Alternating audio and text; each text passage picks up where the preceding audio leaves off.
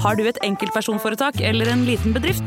Da er du sikkert lei av å høre meg snakke om hvor enkelt det er med kvitteringer og bilag i fiken, så vi eh, gir oss her, vi. Fordi vi liker enkelt. Fiken superenkelt regnskap. En podkast fra Podplay. Three, two, one. When lift off.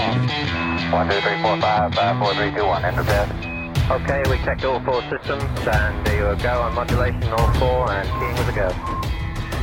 Quality base here. The Eagle has landed.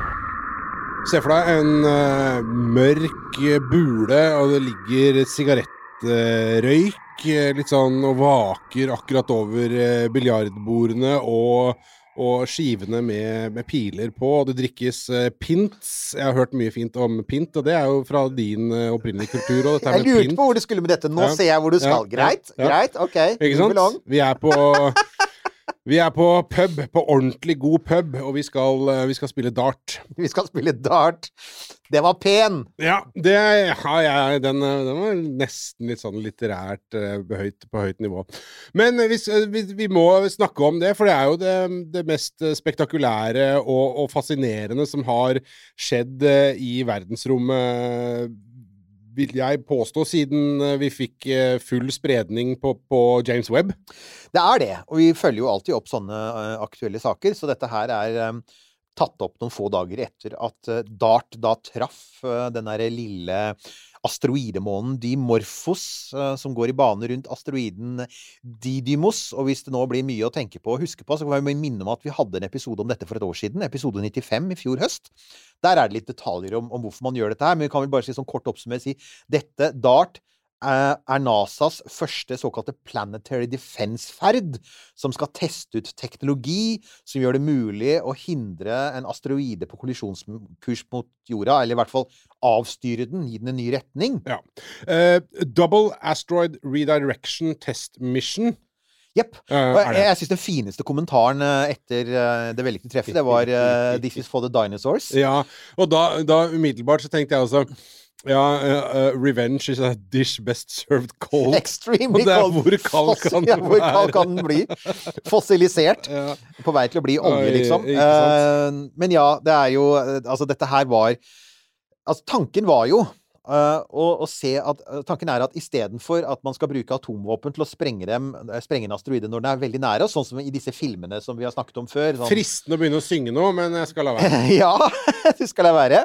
Ok, men det er også sånn Deep Impact og Arma- Armageddon og Don't Look Up, hvor altså Uh, objektet er veldig nært oss, så er tanken at hvis man, kan, hvis man finner, finner en asteroide på kollisjonskurs lang tid i forveien, så vil det ha mye større effekt å sende en liten masse f.eks. et år i forveien, for da vil den der forandringen i fart vil akkumuleres over tid og gjøre at den bommer på jorda. Så det er egentlig en Mm. helt veldig fornuftig tanke. Og så har man da valgt seg dette lille målet. Den er ca. 160 meter i diameter, denne Dimorphos. Så den er liksom akkurat liten nok til at man mener at man kan fange opp en forandring i den tiden som den bruker på å gå i bane rundt uh, Ja, for, det, for det, og det er jo det som gjør det enda litt mer sånn eh, fascinerende her, hele dette prosjektet, er jo ikke at, eh, at eh, den skal eh, treffe hovedtrusselen. Nei. Den skulle da treffe månen til hovedtrusselen, Ja. og så eh, senke farta på månen.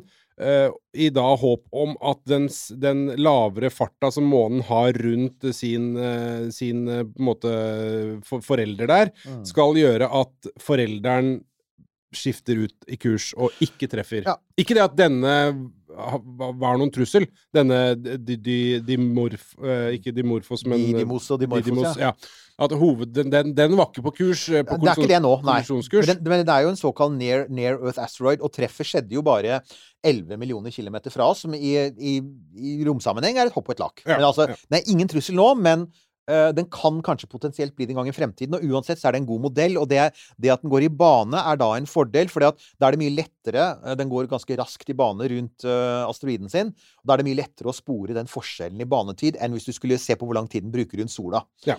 Så det man håper på, det NASA håper på å se etter hvert, er en forskjell i eh, omløpstid på mellom hva var det, et, ett minutt og, og ti minutter. Um, vi kan komme tilbake til hvorfor de er litt sånn usikre på hvor mye det blir. Men det var altså natt til 27. september uh, norsk tid. eh, 01.14. Og vi hadde faktisk ganske mange av våre lyttere som holdt seg oppe.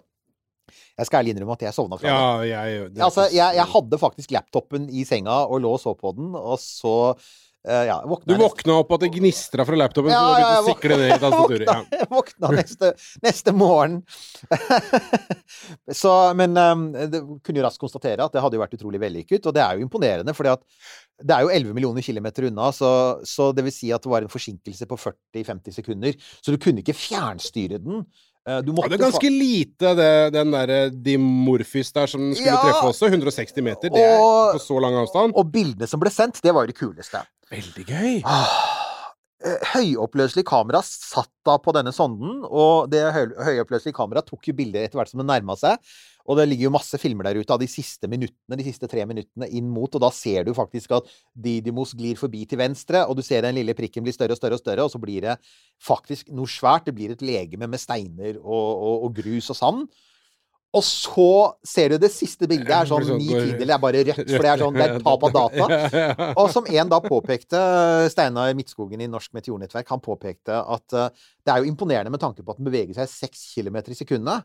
Så er det imponerende at de faktisk klarte å ta bilder så nær innpå. Altså, fordi at tross alt det er kjempehøy hastighet. Det er 20 000 km i timen. Så de var i stand til ikke bare å ta bildene, men faktisk sende dem. For at det er klart at bildet som, det siste bildet som vi bare fikk en bit av Altså hele bildet var nok tatt, men eh, radioen konka ut fordi at kamera og radiosenderen og sonden ble knust. Ja, og, og det jeg så liksom første, eh, første sånn glance på de bildene, tenkte jeg sånn eh. Eh. Og så, Ja. Men så, så eh, måtte jeg ta en kikk til. Eh, For at eh, nå, nå skal det sies at med James Webb så har vi blitt litt sånn eh, bortskjemt når det kommer til bild, ja. bilder fra verdensrommet i det Ja. siste. Men eh, jeg kikka på det en gang til, og så så den her eh, trinnvise liksom, dissenten inn mot uh, impact uh, der. Så, så gikk det opp for meg hva dette her egentlig var. Hva jeg faktisk så på. Og da ble det sånn Oi, shit, dette er ganske svært. Det er Og, det, og det, det siste bildet du ser, det siste hele bildet du ser, det er et landskap som er rett ved å bli rearrangert. Det kommer tre, tre er litt, er litt, litt uklart hvor mye det er, men det er i hvert fall tre, minst 300 kilo med romsonde som treffer i 20 000 km i timen. ja, det det, så det var en veldig kraftig eksplosjon, og man, den var faktisk mulig å se fra jorden. Så det var jo flere teleskoper ja? på jorden som kunne se at det dukker opp en sky som da brer seg til ut i en viss retning, i en retning, som brer seg raskt utover.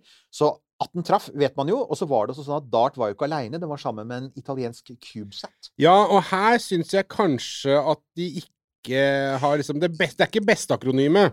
Nei, Licia Cube Licia- er liksom sånn, og det er igjen sånn derre Light Italian, CubeSat Italian For imaging da, Asking. Cube, et eller annet. ja. Så det er altså Men, men! Det som skal sies, det de gjorde riktig her, var at de faktisk hadde med den. Det Det er jo smart. den Litia Cube skulle jo vært med Det skulle jo hatt en, en, en eh, annen en som var med James Webb. Helt klart. For at det, nemlig for at det mange etterlyste med web, det som du sier, det var jo å ha en liten sånn uh, CubeSat som kunne ta bilde av web der ute. Mm. Og her har man da faktisk bilde av ikke selve Dart, men av kollisjonen. Ja. Um, og de bildene er nå publisert, og det de viser er jo Altså, bildene er ikke av så høy kvalitet som man kanskje hadde håpet på. Uh, det tror jeg også har litt å gjøre med at Licia Cube da har brukt kunstig intelligens til å liksom fokusere. Mm. Uh, og, og, og kunstig intelligens er hva kunstig intelligens er. Vi vet ja, den er Men de, de, de fikk med seg eksplosjonen. Og det viktigste bildene fra Alicia Cube viser, er nummer én, det var en voldsom eksplosjon. Eh, systemet, altså asteroidene, var Mesteparten av lyset fra asteroidene kom faktisk fra eksplosjonen da den skjedde. Eh, og det andre er at det er en veldig sånn Det stråler litt ut i alle retninger. Det er ikke en sånn jevn sånn type sånn det du tenker er en sånn Hollywood-eksplosjon med en sånn boble som går utover. Nei, det er sånn stråler eh, og kompleksitet, så det ser ut som det har vært mye dynamikk der. Og det bekrefter for så vidt det mange har trodd, for du, du ser jo på bildene at på vei inn mot, mot, uh, mot Dimorfo Dimorphos, så ser du at dette er ikke en glatt overflate. Det er ikke en stein. Det er helt tydelig. Ja, for det de mente, var vel at dette var en sånn samling av Ja. Og dette har man jo erfaring fra fra før, for blant annet japanerne sendte jo Hayabusa 2, som jeg snakket om også. Ja. Den landet på en asteroide som heter Ryu, Ryugu. Og der oppdaget man jo at Ryugu, som er litt større enn Dimorphos, men helt tydelig av samme type praksis er det bare en opphopning av løst materiale. Det holder sammen av tyngdekraften, men det er ikke en solid stein. Det er egentlig en flygende steinrøys. 50% av Ryugu er egentlig tomrom, sier man. Og det, det kan nesten se ut som uh, det samme gjelder Dimorphos. Ja, og det var jo, det var jo, hvis ikke jeg husker helt feil, så var jo det også litt av måte, misjonen her til Dart. var jo å undersøke effekten på altså de forskjellige typer altså Hvis dette Ja. hadde vært en solid uh, stein, så ville det vært en annen form for effekt. uh, enn hva, hva, som, hva effekten blir nå når den treffer en steinrøys. Ikke sant? Og det er litt som Hvis man kan tenke seg forskjellen, da. Det er altså Hvis den er en, en løs, sammensatt uh, sak, så betyr det jo selvfølgelig at, eh, at eh, Dart trenger mye lengre inn, og at energien fordeles på en annen måte. Og det kan bli litt som å slå inn i en pute. Det vil si at effekten av nedslaget, nedslaget kan bli mindre fordi at mer av energien fanges opp i liksom dette løse materialet. Og det er derfor NASA har vært litt sånn eh, rause med anslaget for hvor mye farten bremses opp. Ja! Det er selvfølgelig fordi at altså, de tror jo den bremses opp, og du har en sky som går i én retning, og da forteller Newtons lover oss at da er det antagelig bremsa i en annen retning. Men hvor mye det blir, avhenger veldig av hvor mye dette løsematerialet fanget opp. Og Mm. Sånn som det ser ut nå, så kan det tyde på at, at det kanskje går mot liksom sånn den nedre delen av effektiviteten, for det, det ser ut som en ganske sånn løs klump. Så er det jo også sånn da, at om noen år så skal det jo en europeisk sonde til dette systemet. Hera, ESA, skal sende en sonde, så da får man jo se effekten ja. Altså om noen, og det er jo det interessante, fordi ja, det er sikkert blitt slengt ut masse materiale, men hvis dette er en løs, i praksis en steinrøys i verdensrommet, så vil jo den etter hvert samle seg igjen. Så det Ja. kan jo tenkes at ikke du har et sånn stort, fast krater. Det er forresten ikke noe krater på denne lille Dimorphos. Det er et tegn i seg selv. Det, den er sikkert blitt truffet av ting, men Ja. kraterne jevnes ut. ja. Igjen fordi det er løsmateriale. Så det som antagelig skjer, er at hvis det er gravd ut et stort krater, så vil det rase sammen eller fylles inn. Men det, får vi, det finner vi ut om noen år. Så, så dette var eh, Men det, vi- det, det var sukkess. Dette fungerte som det skulle. eh, Utvilsomt. Altså, kanskje det mest no, Den viktigste lærdommen, det er at vi kan altså faktisk fjernstyre en liten sonde og treffe totalt midt i blink. Altså eh, bullseye eh, det, he, det heter vel det i darts, gjør du ikke det? jo, jo. Jeg er jo ikke så god på sånt. jo. Jeg burde være det, for det er jo nasjonalsporten til Ja, min far. Ikke sant? Ja. Det er jo Det er bullseye. eh, Det er Darts er, det, Ja, det er en big deal. Darts og pintdrikking. Ja. Mm. så, Men eh, eh, vet, vi- ha, vet vi nå allerede at den har endra kursen på denne Det vil ta litt tid. de- NASA sier at det vil ta noen uker før det kan begynne å komme et metall der. Og i det hele tatt så vil også noen av disse bildene fra CubeSat-en bli analysert. Og de vil også se på bilder som er tatt fra jorda. Så de vil nok komme med et mer sånn komplett vurdering av effekten. Det vi kan si så langt, er 100 suksess rent teknisk. Mm. Men det er klart at NASA, ingen av oss har kontroll over selve asteroiden. Og uansett uh, hva effekten blir, så er det fryktelig lærerikt. For hvis det da er sånn også selvfølgelig at det er en steinrøys som er på vei mot jorda, istedenfor en fast stein, så påvirker det også hvor kraftig nedslaget blir. Ikke sant? Det sier seg jo selv at en sånn mer løst sammensatt klump antagelig vil ha mindre effekt på jorda enn en stor stein som kan bore seg gjennom atmosfæren på, på, no, på noen millisekunder. Og istedenfor så har du en sånn der svær sky som kanskje vil oppløse seg når den nærmer seg jorda. Så, så jeg tenker at, at det uansett så er jo dette av stor vitenskapelig betydning, og alle, alle hjerter fryder seg, for dette her er Og så var det, for de av dere som opplevde det live, så må det ha vært kjempegøy. Mm. For det, så jeg er litt sur for det, men jeg missa jo også månelandingen i 1969. så jeg Ja får, da, eh, det er det var flere ting. strengt Andre tatt ting verre. Ikke sant? Vi kommer til å følge opp dette, selvfølgelig. Dukker det opp noe nytt og spektakulært og spennende, så kommer vi helt sikkert til å, å, å følge det. Men hvis ikke, så legger vi ut ting på, på Facebook også. Mm, spektakulært og spennende er jo vårt eh, mellomnavn her i Romkapsel. 1202. Å ta bedriftens årsoppgjør og sende inn skattemelding uten regnskapsprogrammet TrippelTex er litt som å kjøre budbil uten GPS. Du får nok levert, til slutt, men ikke uten å rote rundt og bruke masse tid. Med TrippelTex kan du stole på at du har riktig verktøy til regnskapsjobben. Prøv gratis på TrippelTex.no. Jeg tenkte bare neste punkt på lista. Dette er jo litt sånn uh, Det er litt sånn nyhetsoppsummering. eh, news For at det skjer ting. Ja. Det er jo en periode hvor Eller ikke. Ja, Ja. det er apropos sånn uh, antispektakulært. ja. Artemis, yes, the continuing story, saga. Det, det gir seg bare aldri. Eh, nå var de klare til de hadde gjennomført en sånn test som de var fornøyd med. Eh, ikke, tydeligvis ikke sånn store lekkasjer som stoppet første. Men da de var klare til å skyte opp, og det skulle vært 27. september, Ja, så var det begynte noe det å vær, var det ikke det? Ja, en orkan, og den Altså, når dette tas opp, så er den visst i ferd med å bli orkan og er i ferd med å nærme seg Florida, så Eller er på vei inn, kanskje.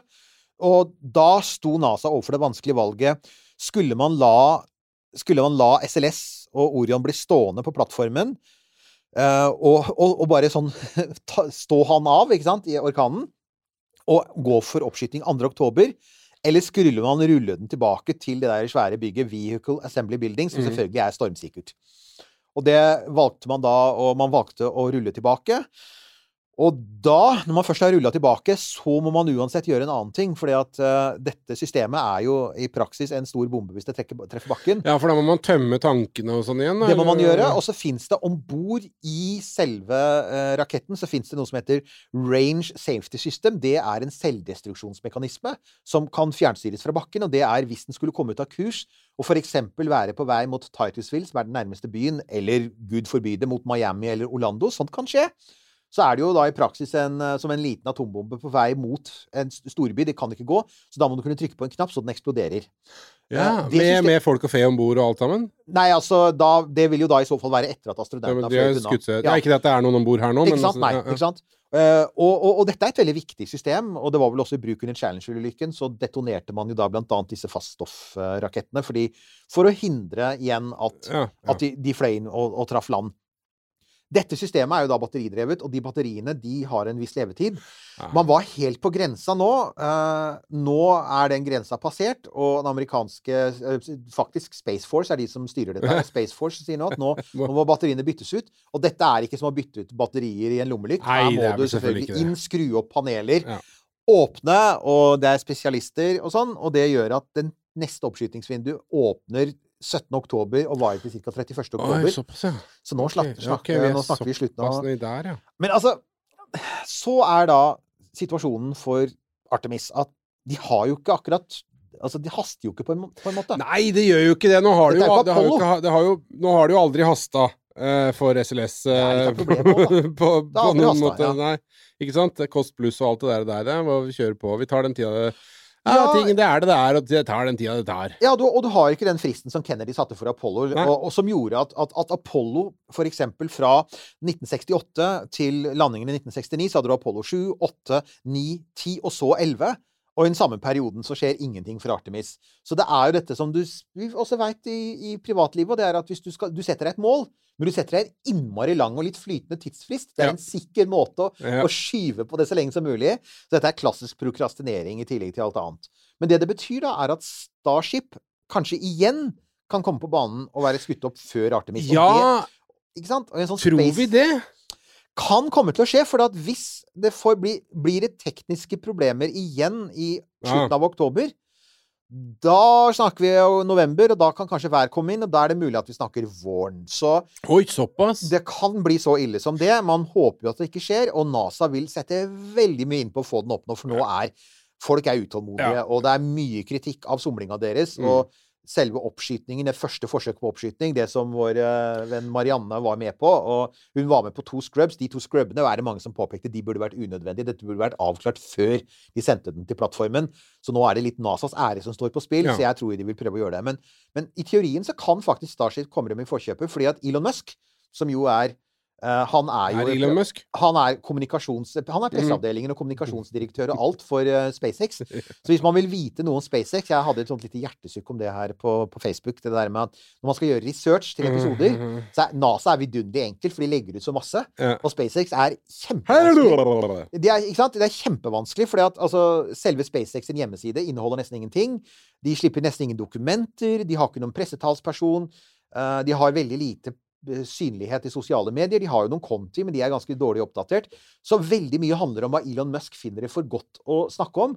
Og han er jo for tiden mest Han har vel ikke noen plan, kommunikasjonsplan her? Nei, eh, og det er veldig mye memes, og det er de vanlige Elon Musk-kranglene. Ja. Men så hender det at noen stiller et spørsmål, og da sier han, så svarer han.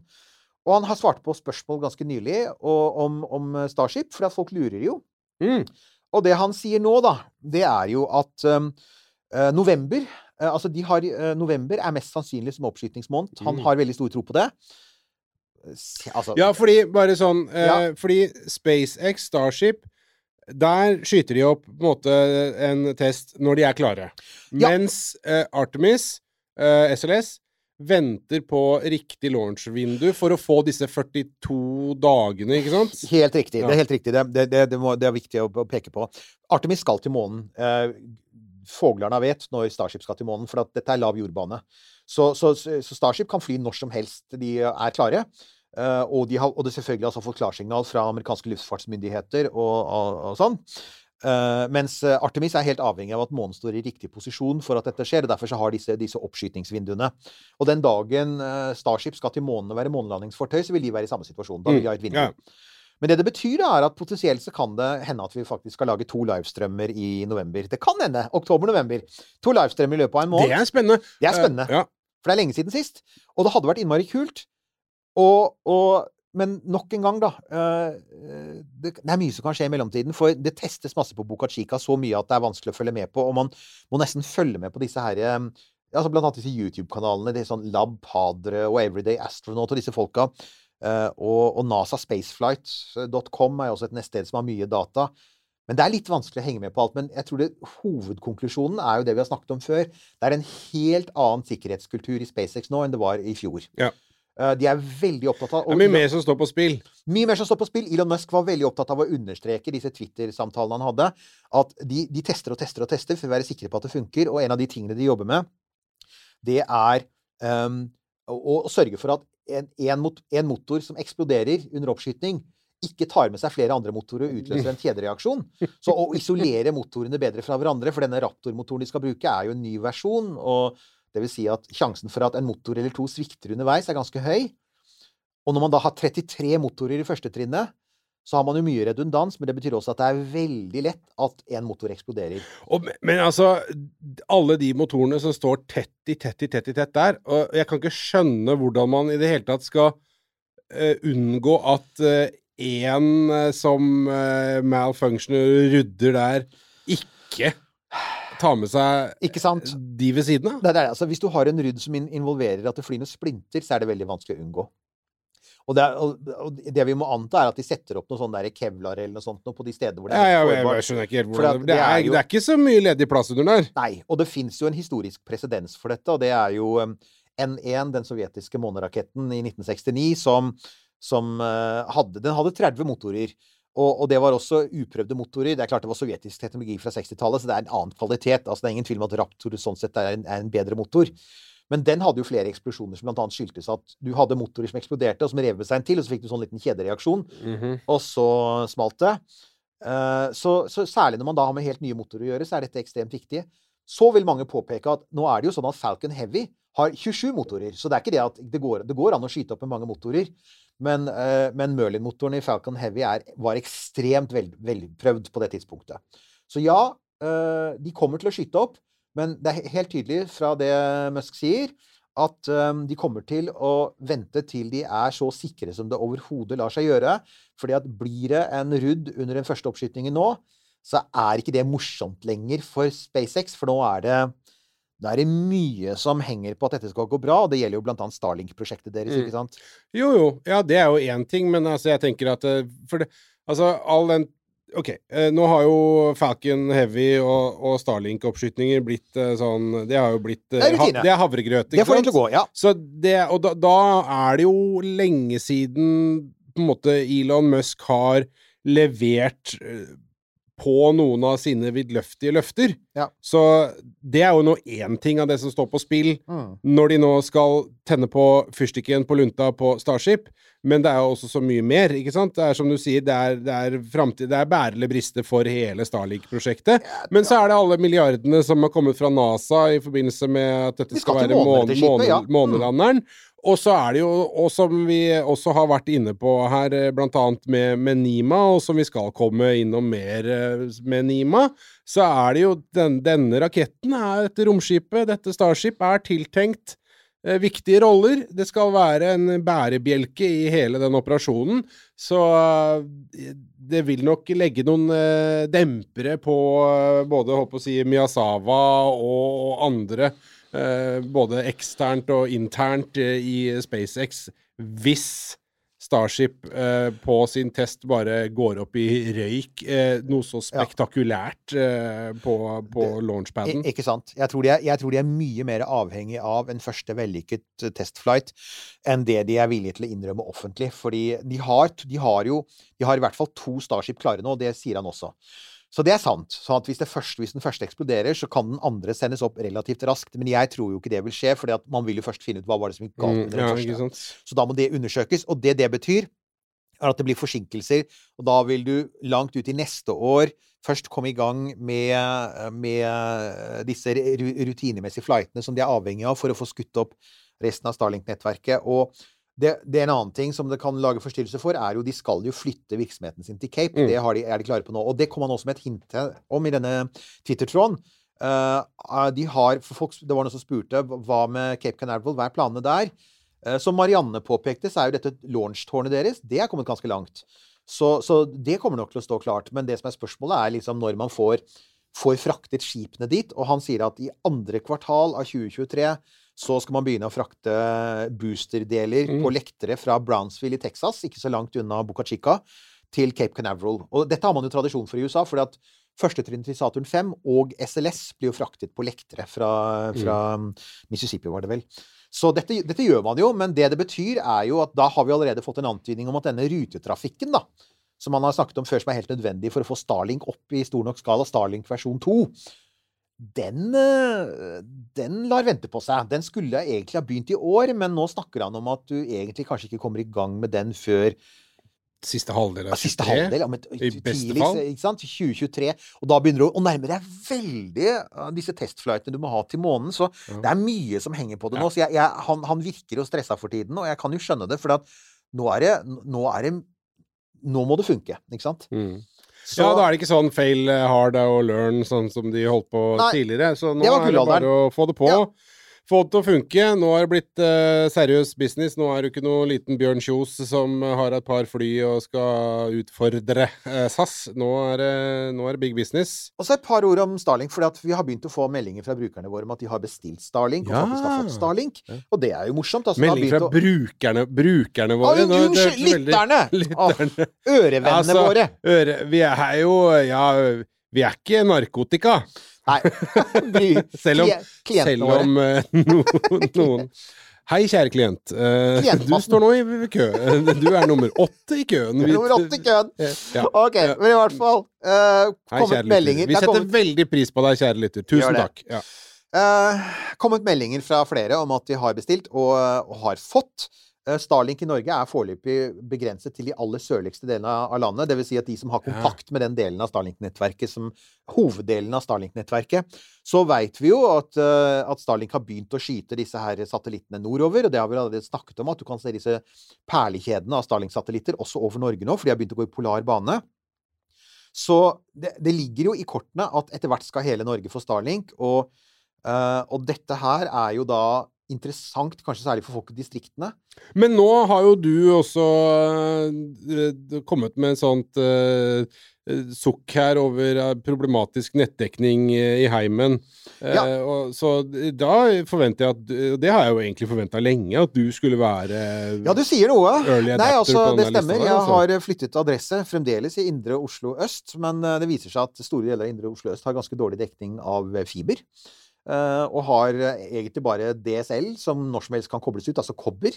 Eller diverse trådløse løsninger, og de er ofte dyre og dårlige. Så jeg har da endt opp med 5G fra Telenor. Det kan jeg vel si her. Hei på dere, Telenor. Takk for det, forresten. Funker veldig bra. Men eh, jeg vurderte jo Jeg tenkte jo faktisk litt på Starlink, fordi eh, det har jo vært gjort eh, undersøkelser som viser at folk der hvor jeg bor, og folk i Finnmark, er minst fornøyde med bredbåndet sitt, og jeg kan nå skjønne det. Så, så dere i Finnmark som har dårlig nett, jeg, jeg føler med dere. Jeg har strevd desto brukte uker faktisk på å løse det. Mm. Men problemet er selvfølgelig nummer én Så snart du begynner å sette opp Starlink-antenner i Oslo, så blir systemet overbelastet. Ja. Og det merker jo allerede amerikanske brukere. De sier jo det at, at mange, ikke alle, men mange forteller nå om at kapasiteten i nettet begynner å dale fordi at det er så mange om hver satellitt. Ja. Uh, og latensen, altså tregheten i systemet, den øker. Uh, og, og um, det andre er jo selvfølgelig at uh, hvis du bor i, i Oslo, så er det også noe som heter Byantikvaren, som har meninger om hvordan fasader og tak skal se ut. ja. Og det er ikke alltid lett å få gjort det, så det har allerede kommet klare meldinger om at å drive og plassere svære antenner på gamle bygg Ja. Så i det hele tatt Men disse tinga her, som du sier, altså den overbelastninga er jo Det er jo noe som de må ta tak i? Eller som Ja, de Ja, Og da kommer vi tilbake til tak i? Starlink versjon 2 og Starship igjen. Ja, okay, ja. skal Starlink Det er to ting Star, eh, vi vet at Starlink ønsker å gjøre. Nummer én å øke antall abonnenter fra dagens ca. en halv million, og øke det kraftig for å få den der inntektsstrømmen som de er avhengig av. Eh, og nummer to, de vil veldig gjerne koble seg på internasjonal flytrafikk og skipstrafikk. Det er svære kunder med behov for bredbånd til sjøs. Men for å få til det, så trenger du da disse kraftige versjon 2 Starlink-satellittene med laserlink og det, og det hele. Og de kan bare skytes opp med Starship, så her henger alt sammen med alt. Så vi er veldig Så det er mye som henger på denne oppskytingen i november, og det er derfor du igjen merker at um, for øyeblikket så ser det faktisk ut til at Og det trodde jeg egentlig jeg ikke skulle si. For øyeblikket virker det som om SpaceX nå har strengere testrutiner enn det NASA har gitt seg selv i forbindelse med Artemis. For NASA har jo fått kritikk for at de slurva litt med test av tanker og sånne ting. Disse tankene til SpaceX, eh, Starship, de er testa opp av stolper og ned av vegger. De tester og tester og tester. Så Helt, til, og helt til slutt, når det gjelder eh, Starlink eh, Det er intet nytt fra Vi nevnte jo tidligere Strengelvåg i Øksnes kommune. Norges første basestasjon. Ja, for Starlink. Det, ja, for Starlink. Det var, vi hadde en tidligere sending om det. Det står fremdeles eh, på vent. Jeg har sjekka det ut, og kommunen har ennå ikke tatt en avgjørelse. Det er kommunen som bestemmer dette her. Men i hvert fall så har da det har vært folkemøte om, om, om eh, dette å bygge en basestasjon for Starlink for å gi dekning for Starlink i Vesterålen, som jo tross alt er ganske viktig. Um, men ifølge NRK så er motstanden fremdeles like sterk, og jo, noe av det går fremdeles dessverre på strålefaren, som jeg, jeg, da er litt sånn, det er litt sånn panneklask her. Er, det var et panneklask. Uh, men det er nå hva det er, vi får bare håpe at det tas en beslutning snart. Vi, min egen mening om det er at jeg tror Starlink blir bra for, bra for distriktene, men, men det er klart, jeg bor ikke i Strengelvåg, så hva vet jeg. Ja, det er ca. cirka I 2001 så var det omtrent 230 pers som bodde i Strengelvåg. Ja. Ifølge Wikipedia. Ikke sant? OK. uh, To spørsmål helt til slutt. For det er altså folk som har spurt om ting. Ja, det, det var det jo, og det skjønner jeg at folk spør om. Og det kan jeg jo jeg kan hive meg på det. Jeg vil spørre ekspertisen om dette her. Jeg spør deg. Fordi jeg så noen skriverier om dette her. Å, det er funnet organisk liv på, på Ja. Mars, da, Perseverance, selvfølgelig. Er det det? Er det det? 1202. Det vi veit, altså Perseverance er jo Is there life on Mars? Der kom det! Uh, Percy er jo bygd for bl.a. å lete etter organiske stoffer på Mars. Og, ganske, og, og ikke bare det, men Percy driller jo hele tiden hull i Mars for å ta disse berømmelige prøvene som legges i reagensglassene, eller disse her metallrørene som skal fraktes tilbake til jorda. Sample return, som vi har dekket i flere episoder tidligere. Og i forbindelse med dette så fant de da noen prøver som inneholdt en veldig stor variasjon og mengde av organisk materiale akkurat på det stedet, altså på en uttørket havbunn, hvor, man forventer å finne rester etter organisk materiale fra liv. Mm. Så i så måte så stemmer alt. Og det er ikke så rart at noen eh, liksom da sier sånn én pluss én, og så får de, får de to. Det, det mm, forskerne som jobber på dette her, sier, er at for det første så er det sånn at instrumentet som man da bruker til å analysere det med Og her skal vi, vi NASA og akronymer, vet du. Eh, dette akronymet her, altså følg med på dette. Scanning habitable environments with Raman and luminescence for organics and chemicals. Akronymet blir Sherlock! Åh, jeg så hva du gjorde der, NASA! Jeg så hva du gjorde der. Ja, altså eh, Her Her Ja. har de funnet akronymet først, og så må de fylle det med mening etterpå. Jeg er helt enig. Ja. Jeg er helt sikker på at av og til, når NASA holder på med disse tingene, Mm. så, så har de kult akronym, så bygger de instrumenter som passer. Ja, ja, det, Og så det i, dette tilfellet, dette systemet har, er ikke i stand til å avgjøre om de organiske stoffene kommer fra liv, eller om de skyldes kjemiske prosesser. Ah, Og det, organisk betyr ikke at det kommer fra liv, det har, det har med sammensetningen å gjøre, og det finnes massevis av kjemiske prosesser som kan gjøre noe av det samme. Og da, som en av eh, forskerne på dette sier, han Ken Farley etter han, han sier til BBC at det er umulig, med Sherlock så er det umulig å avgjøre det. Det som må til for å avgjøre det, er å sende det tilbake til jorda. Ikke, heller ikke da er det 100% sikkert, men sjansen for å se forskjellen på organisk materiale som er et, altså eksempel er de siste restene av alger, eller rett og slett er resultatet av en eller annen interessant kjemisk prosess, du må hente det tilbake til jorda med sample return, frakte det til dette spesiallaboratoriet som jeg tror skal stå i Utah i USA. Mm. Uh, veldig sånn selvfølgelig biohazard, for at, hvem vet? Kanskje det er en Ja, vi har jo sett den filmen Life. Vi har jo det, Ja, og pluss pluss en av disse her dårlige Mars-filmene, om det var Red Planet eller Mission to Mars, hvor du også har noe sånn derre grønt slims og ja, Andr- ja. and- and- Og Andromeda Strain. Å, ja, ja. Mm.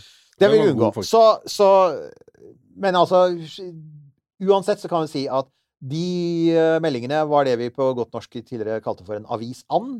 Ja. Eh, det er eh. Eller som vi da kaller det clickbait. Ja, klikk. Ja, Klikk, klikk, Ja, det er Eller, Og det er også den andre saken som jeg både har fått spørsmål om muntlig, men også da skriftlig. Ja.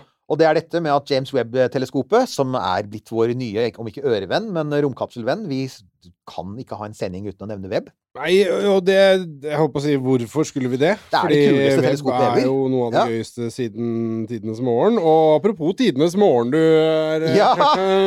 Når vi snakker om det ja.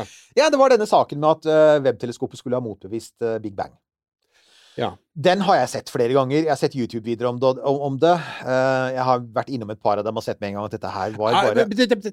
Har de videoene som du har sett om dette, har de starta med andakt? Ja, det er et godt spørsmål. Det er et innmari godt spørsmål. Eh, for det, det er jo eh, Altså, i dette tilfellet så ser det ut som kilden til at det motbeviste Big Bang ikke nødvendigvis var religiøs, men var var for så vidt vitenskapelig. Dette var altså eh, dette var et meme som gikk nå i sitt Jeg vil kalle det for det. For det var YouTube-videoer, og det var litt sånn artikler og litt sånne ting. Og påstanden var at at Webb hadde funnet galakser som var eldre enn universets alder. Altså Webb hadde funnet galakser som var sånn 13,9 milliarder år gamle, mens universet er litt under 13,8 milliarder år gamle. Og det, historien bak var litt sånn snodig. Det, var, altså, det, har, det har utgangspunkt i et intervju med en astrofysiker, Alison Kirkpatrick heter hun, på University of Kansas. Hun ble intervjuet av et tidsskrift som heter Nature, som er veldig anerkjent, i juli. Om de foreløpige resultatene fra web. Og det hun da sa, det var at når du så på galaksene, og dette kan vi sikkert få vår venn Håkon Dale eh, til å si mer om, for han skal tilbake hit eh, Hun sier at de foreløpige resultatene viser at galakser er, mer, de er større og mer kompliserte på et tidligere tidspunkt enn man tidligere trodde. Altså, det ser ut som evolusjonen av galakser har gått mye raskere. Um, så sier hun Right now I find myself lying awake at three in the morning wondering if everything I've ever done is wrong. Våkner om natten og lurer på om alt jeg noensinne har gjort, er galt. Og hun var ganske fornøyd med det sitatet. For at det Ja. hun tenkte å si, var Hun snakket om galakseutvikling, yeah. ikke sant? Yeah. Eh, og at, at nå, nå kunne man kanskje få litt bedre teorier.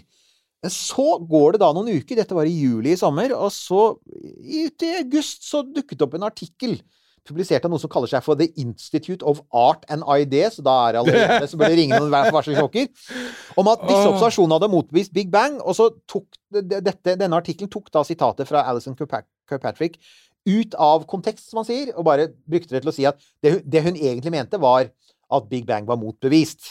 Det er noen eh, jeg må si det at det har vært eh, fredags- og lørdagsnetter, kvelder, eh, hvor jeg har vært medlem av det instituttet. Jeg har vært nede Ja. den tredje flaska med en eller annen sånn tung chilener. Ikke sant? Ja. Det som var litt spesielt her, da, det var at forfatteren av denne artikkelen, som da påstod at uh, Big Bang var motbevist, han er en fyr som heter Eric Lerner, og han, han skrev en bok, en bestselger, som heter Big Bang Never Happened, i 1991. Og den har jeg lest. Jeg husker jeg, Mm. den leste alle astrofysikere den gangen. Blant annet fordi at fyren er, han er fysiker, så han er, ikke helt på, altså han er jo ikke helt uten utdannelse. Men han er en av disse som er helt innbitt på at Big Bang er feil, og har brukt hele karrieren sin på det. Han har gått mer enn livets harde skole. Han har gått mer enn livets harde skole, utvilsomt. Um, men det han gjorde her, var jo helt klart uansett en bedriden ting å gjøre. Altså, du, gjør jo ikke, du tar jo sitater ut av kontekst, og det var veldig tydelig av intervjuet hva hun, denne stakkars Alison hadde ment. Men hun måtte jo da håndtere alle Learner-fansene, altså de som mener at Big Bang er fake news. Og pluss da selvfølgelig kolleger som sa Har du skiftet Hva, hva har skjedd, liksom? Har du skiftet mening? Og liksom familie og venner. Åssen går det med deg, Alison? Hva har skjedd? Du er overalt i mediene. Eh, kan ikke du komme på familiemiddag, plutselig så sitter alle i sånn ring? Nå har jo denne stormen lagt seg, da. Men det hun, det hun sier er, og det er et godt poeng, hun sier dette her er jo ikke, altså dette er jo ikke direkte løgn, og det er ikke religiøst. Dette er det som av og til kalles sånn pseudovitenskap. Ja. Det, det høres ut som vitenskap, og det bruker vitenskapens språk, men det er jo ikke ordentlig velfundert vitenskap. Og som hun sier, det gjør kanskje ikke så mye når du, at ikke du tror på Big Bang. Og det er helt sant. Det kan du jo mene hva du vil om, men hun ser jo den samme tankegangen når det gjelder covid-vaksine og klimaendringer. Og hun sier at det er liksom mange av de samme folka, og, mange, og jeg er helt sikker på det at en eh, Det tror hun har helt rett. Mange av de som tok kontakt med henne seint på lørdag kveld, Når de var ferdige med å fortelle henne at The Big Bang aldri skjedde, så fortalte de at de var uvaksinerte. Og dessuten at Putin hadde noen gode argumenter, og at dessuten at klima klimaet var en bløff. Ja Eh, det, det, er, det, det, er noen sånne, det er noen sånne koblinger der. Jeg har liksom konstatert at folk Det er rart folk det der, hvordan det henger sammen, du. at, at liksom, Tror du at uh, covid-vaksine har 5G, så syns du også at uh, russerne har rett i Ukraina. Det er en merkelig greie, det der. Maga. Maga. Ja, ikke sant. Oh yeah. Og du, altså, jeg overhørte jo en samtale her med deg bare for ikke så mange minutter siden om Ja. din opplevelse av USA. Hvor du, Ja. du har på din sykkeltur gjennom eh, de amerikanske distrikter Ja. eh, og møtt ganske mange uvaksinerte mennesker som mener at det skyldes eh, nanoboter og George Soros og Bill Gates. Ja, ja, og det er Pizzagate og det er hele greia. De tror nok på det der der. Eh, intenst. Det var, det var eh, Magaland, ja. Noe så innmari. Ikke sant? Men altså, for å oppsummere, da. Så nei, Big Bang er ikke motbevist, og, og det er Alt web har sett så langt, bygger opp under Big Bang. Eh, at galakser utvikler seg fortere enn det vi hadde trodd, er ikke i strid med kjent fysikk. Det er, da vi bare lært noe nytt om universet. Og så er det én ting til, og det er mange påpekt. De aller, altså de aller fjerneste galaksene kan også være litt påvirket av at James Webb-teleskopet er jo kalibrert. altså Man har jo justert det for at det skal gi riktige resultater, men det er helt ferskt. Så det kan tenkes at også noe ligger litt i kalibreringen av teleskopet. Så var det da en som meldte seg på, jeg har allerede nevnt han, for, at, eh, for noen dager siden så deltok jeg på et arrangement på Tøyen bibliotek i Ja, Oslo. det gjorde du. Hvor vi snakket om livet i universet, hvor Ja. vi da hadde med Kristoffer Pale og Håkon Dale. Og jeg skjønte plutselig at det var Pale og Dale. Det var Pale og Dale, og så kommer du Så og ødelegger rekka. gjester, ja, ikke sant? Og så vi snakket om livet i universet, og takk til dere gode lyttere, ikke brukere, lyttere. Eh, våre ørevenner som faktisk kjørte, en av dere kjørte fra Toten for å komme og høre på. Det er, det er godt jobba. Det er bra jobba. Altså, det er, eh, det er, ikke, det er ikke finnmarkskjøring, men det er, det er sånn ikke. finnmarkskjøring som du kommer på Østlandet. Ja. Så det er imponerende. Um, og Håkon satt jo da i panelet, og idet vi liksom er ferdige og går ut, så sier han du, jeg har veldig lyst til å snakke om den der saken med at uh, The Big Bang ble motbevist. Dette var ikke noe jeg ba han om, han bare sa det uoppfordret. Og jeg sa, men, men du er hjertelig velkommen, det er mange som har etterlyst deg. Så vi er enige. Håkon Dale kommer tilbake senere i høst, og da får vi antagelig litt mer sånn The Big Bang Never Happened, eller det gjorde. Og andre oppdateringer fra web, og jeg tenker at vi stopper der, jeg.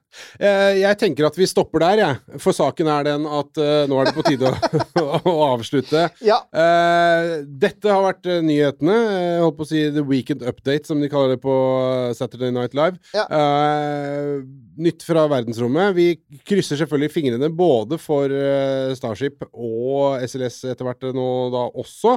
Eh, og igjen, takk, eh, takk kjære ørevenn, bruker, lytter, eh, klient, hva du måtte kalle det. Facebook, eh, kjør debatt der om Big Bang eller ikke. Nei. Du er hjertelig Nei. velkommen om ikke du tror på The Big Bang, men bare ikke regn med å bli tatt så veldig Nei, du får ikke gehør for eh, teoriene dine. eh, Vi er eh, eh. Big Bang-konformister fanget Ja. uh, i det innfløkte veven til Bill Gates og George Soros. Sånn er det bare. Vi har ikke våkna, og nei, vi kommer ikke til å gjøre vår egen research på greiene der. Det er bare sånn det er. Uh, Romkapsel.no for eh, T-skjorter og kopp. Uh, R eventuelt. Du kan bestille så mange du vil. Eh, og så bare sier vi ta takk for nå.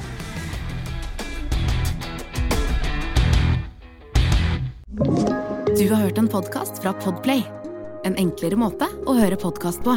Last ned appen Podplay, eller se podplay.no.